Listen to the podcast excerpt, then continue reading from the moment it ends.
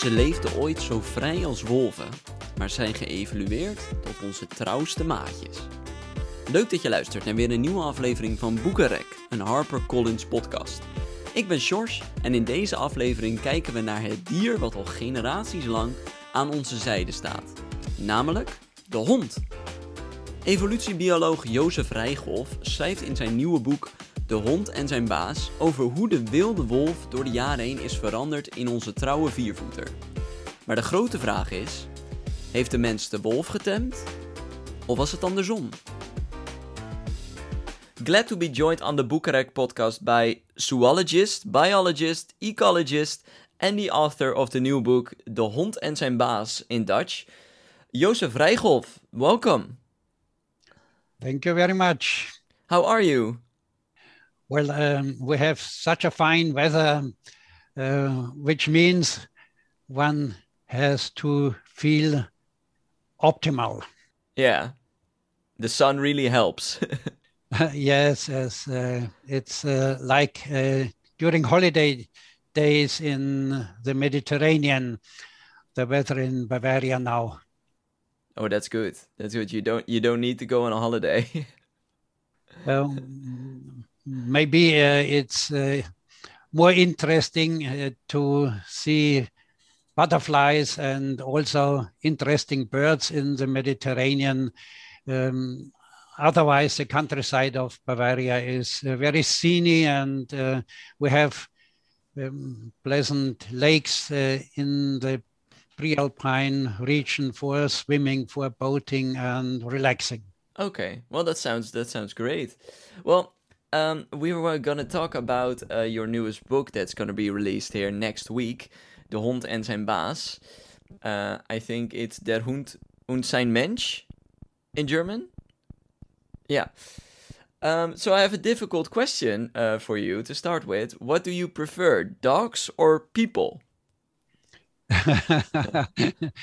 uh, my preference would be people with dogs. Okay. dogs change the attitude of people.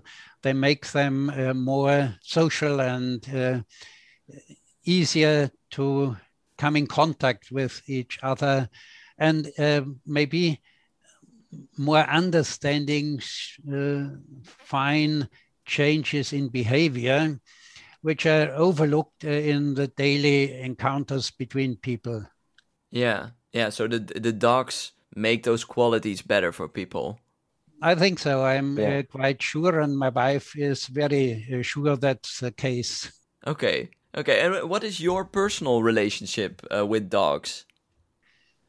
Mm, well, um, I think uh, that's uh, the same personal relationship as most dog owners develop. Um, dogs are so um, intensively uh, connected to people uh, that it is difficult to uh, keep some line of separation. It is uh, a living being which is between nature and humanity with more contact to humanity. And that's why very quite a lot of people Few dogs in a similar way they are viewing children. Yeah. Yeah. Uh, you said you you are a dog owner, so you have one dog or do you have multiple dogs? At the moment, uh, we have, as my wife and me, uh, don't have any dog. Okay. Our dog uh, died uh, in the age of more than 13 years, uh, two oh. years ago. Uh, however, our daughter in Munich has two dogs, and uh, so we are not without dogs. No, so you have dogs around you. Yes, yes. Yeah.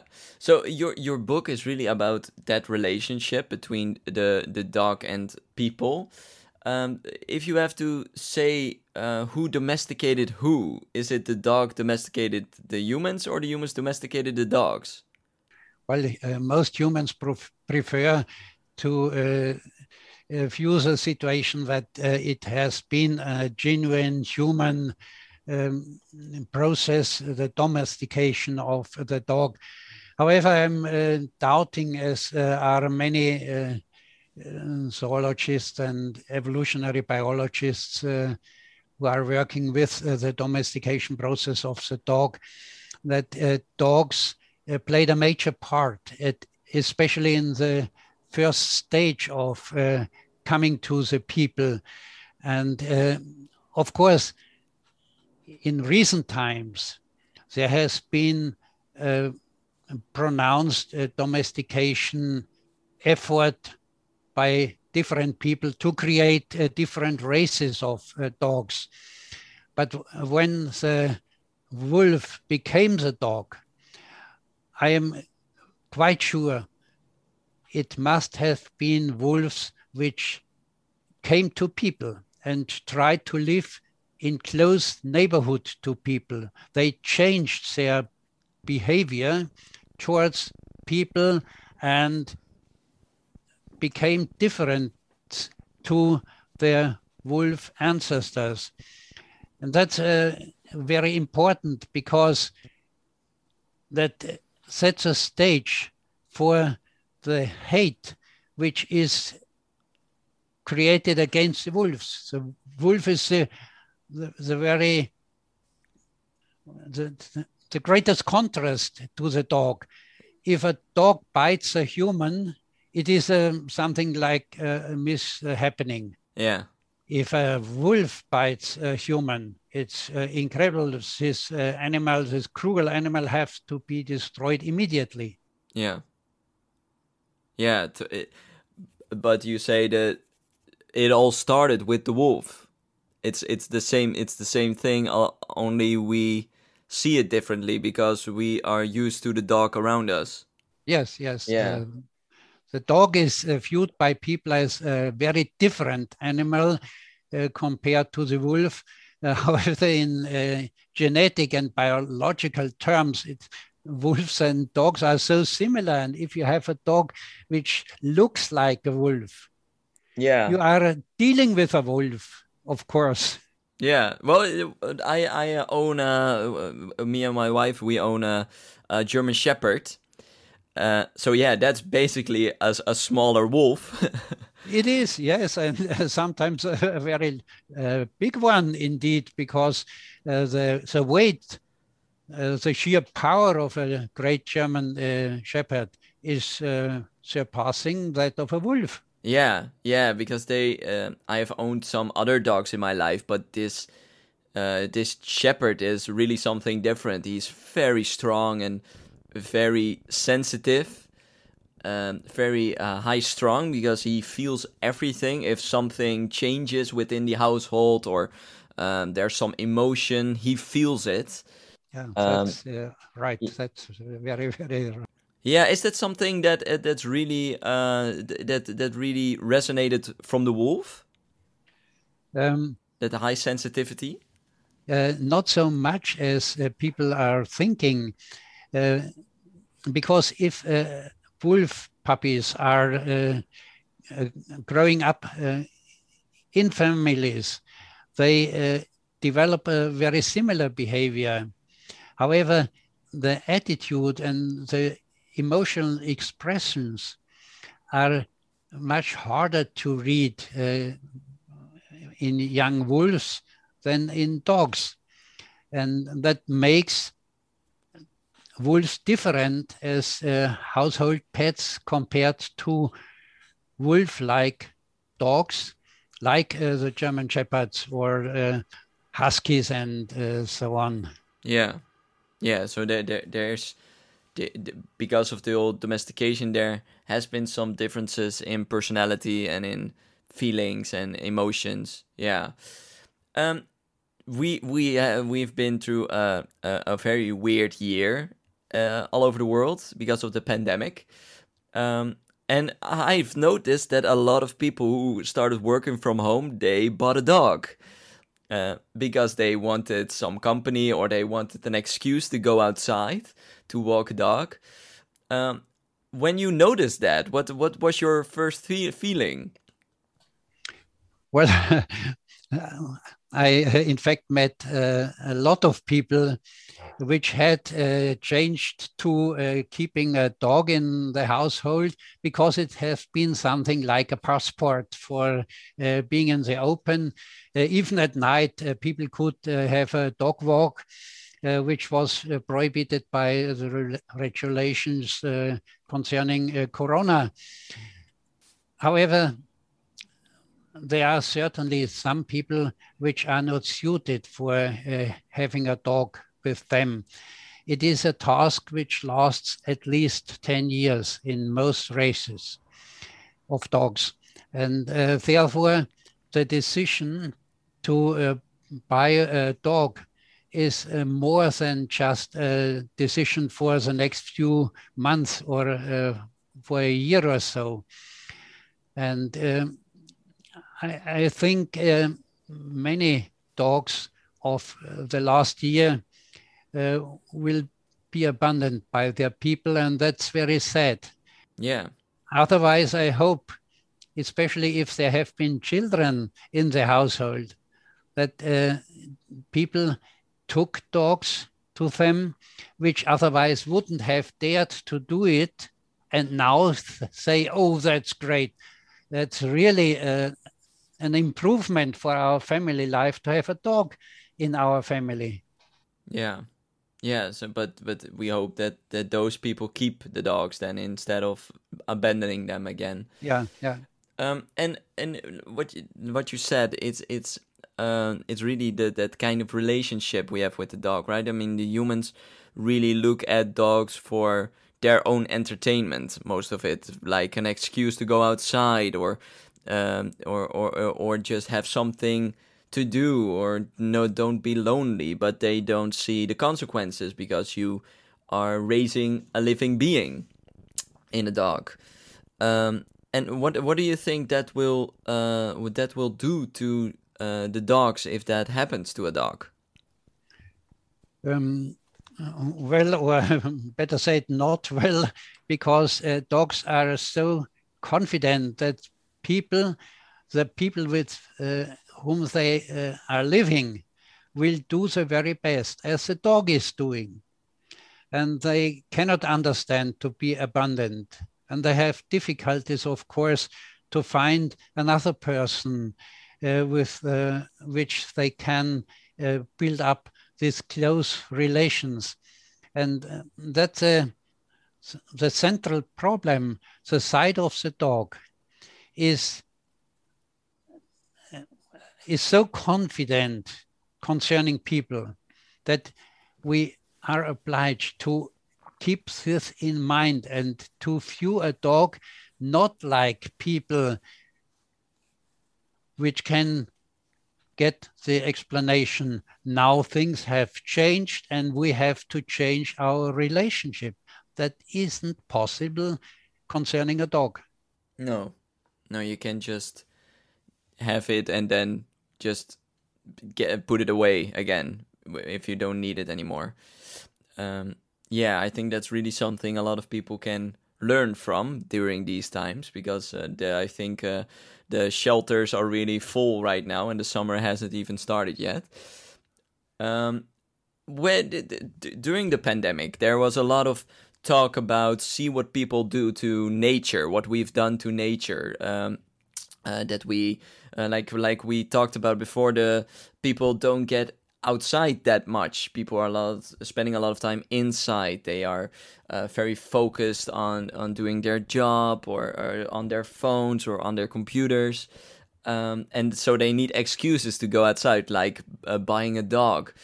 Um, has if you look at your your life. And have you seen a significant change in that? That you thought, "Wow, this is not good." That we uh, get more far, far, far away from nature. Um, well, being a biologist and uh, spending much time out in nature, uh, for me, there has been no change at all, and it uh, wasn't prohibited to go out into the nature during the pandemic uh, restriction. And um, a lot of people on the countryside enjoyed that uh, very much um, along the shores of uh, the Bavarian lakes. We had uh, a situation last year and this uh, uh, spring again, uh, like on Mediterranean beaches, overcrowded. Yeah. people used the possibility to be out in nature because um, this hasn't been restricted. And uh, we have uh, got a lot of messages from friends from the big cities, which uh, told us, oh, how happy you must be. You have only to open the door and take a few steps and you are out in nature. We can't do this in the city centers, in the big cities. Uh, this uh, uh, feeling, uh, I hope, uh, changed the general, or for many people, may have changed the attitude towards nature towards a, a great appreciation um, because they uh, saw how important it is to have a fine nature in our neighborhood and not uh, somewhere in um, the far distance. No. Do you do do you think people will do that? That when they can go back to work and things go back to the new normal, that people will stay in touch with nature, or are, are you afraid that they will just get back in the old routines? I li I like to hope the positive uh, effects are enduring, but of course one has to be skeptical. Um, the the behavior of people isn't uh, easy to change. And uh, many, perhaps most of all, are looking forward to situations which are quite similar to that before the corona epidemics. Yeah, yeah, unfortunately. Yeah. Uh, and, when you see it all as a whole, we are living in a time that, uh, well, the pandemic made us realize that nature is important to us. Uh, well, we have the whole climate crisis the last couple of years that is re- really uh, one of the big uh, discussion points. Um, and a lot of nature is getting destroyed. Do, do you do you are, are you hopeful when you look at the future of nature? I mean, it's something you work in. Is it something you see? Well, uh, nature will endure and uh, yeah, this will be better than it is now? Um, I'm hopeful, yes, indeed. Um, I have uh, taught ecology and nature conservation at the Technical University of Munich for more than 30 years. And the young people, the students, were so uh, engaged that my great hope is when these young people of the former years and decades are now in positions or are coming into positions in which they can uh, make decisions. Things will improve. We have too few delays, which are system immanent, and this gives me the hope, the, the great hope that yeah. in a couple of years, things really will change to the better. So we have to just look uh, to that generation and, and be hopeful then. Yes, I, I am believing uh, in the in the youth and the young people. They are our future. Yeah. Well, and and one of the things you can start with, I think, is when you have a dog, keep the dog with you and raise it because it's worth it. It's, uh, I think, one of the best friends a human has. Yeah. Um, yeah, so I think that's a good way to get more in touch with nature. Um, Surely. Yeah. Well, Josef Reichholf, I really want to thank you for joining me today on this podcast. Thank you too. Wil je nou meer weten over de bijzondere band tussen mens en hond? Het boek De Hond en zijn baas van Jozef Rijgolf is vanaf nu overal verkrijgbaar. En dat was het weer voor deze aflevering van de Boekenrek podcast. Voor meer gesprekken vind je ons op Apple Podcast, Spotify en alle andere podcast apps. Ik hoor ook heel graag van jou als luisteraar wat je van de podcast vindt en welke auteur je nog eens zou willen horen. Je kunt dit sturen naar info@harpercollins.nl. Voor nu bedankt voor het luisteren. Blijf gezond en blijf vooral lekker lezen. Tot de volgende keer.